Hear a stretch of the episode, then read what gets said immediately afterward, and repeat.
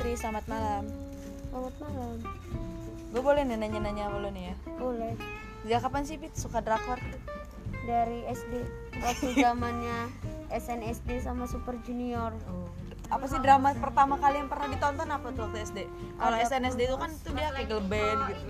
Dulu gue suka suka dramanya. Dulu gue nggak suka dramanya. Gue cuma suka suka sama popnya doang.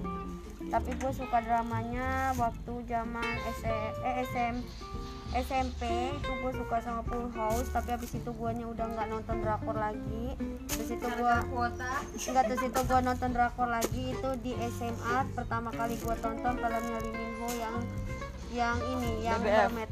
The, Le- The Legend of Blue Oh itu. terus Kenapa kenapa sih Pit suka?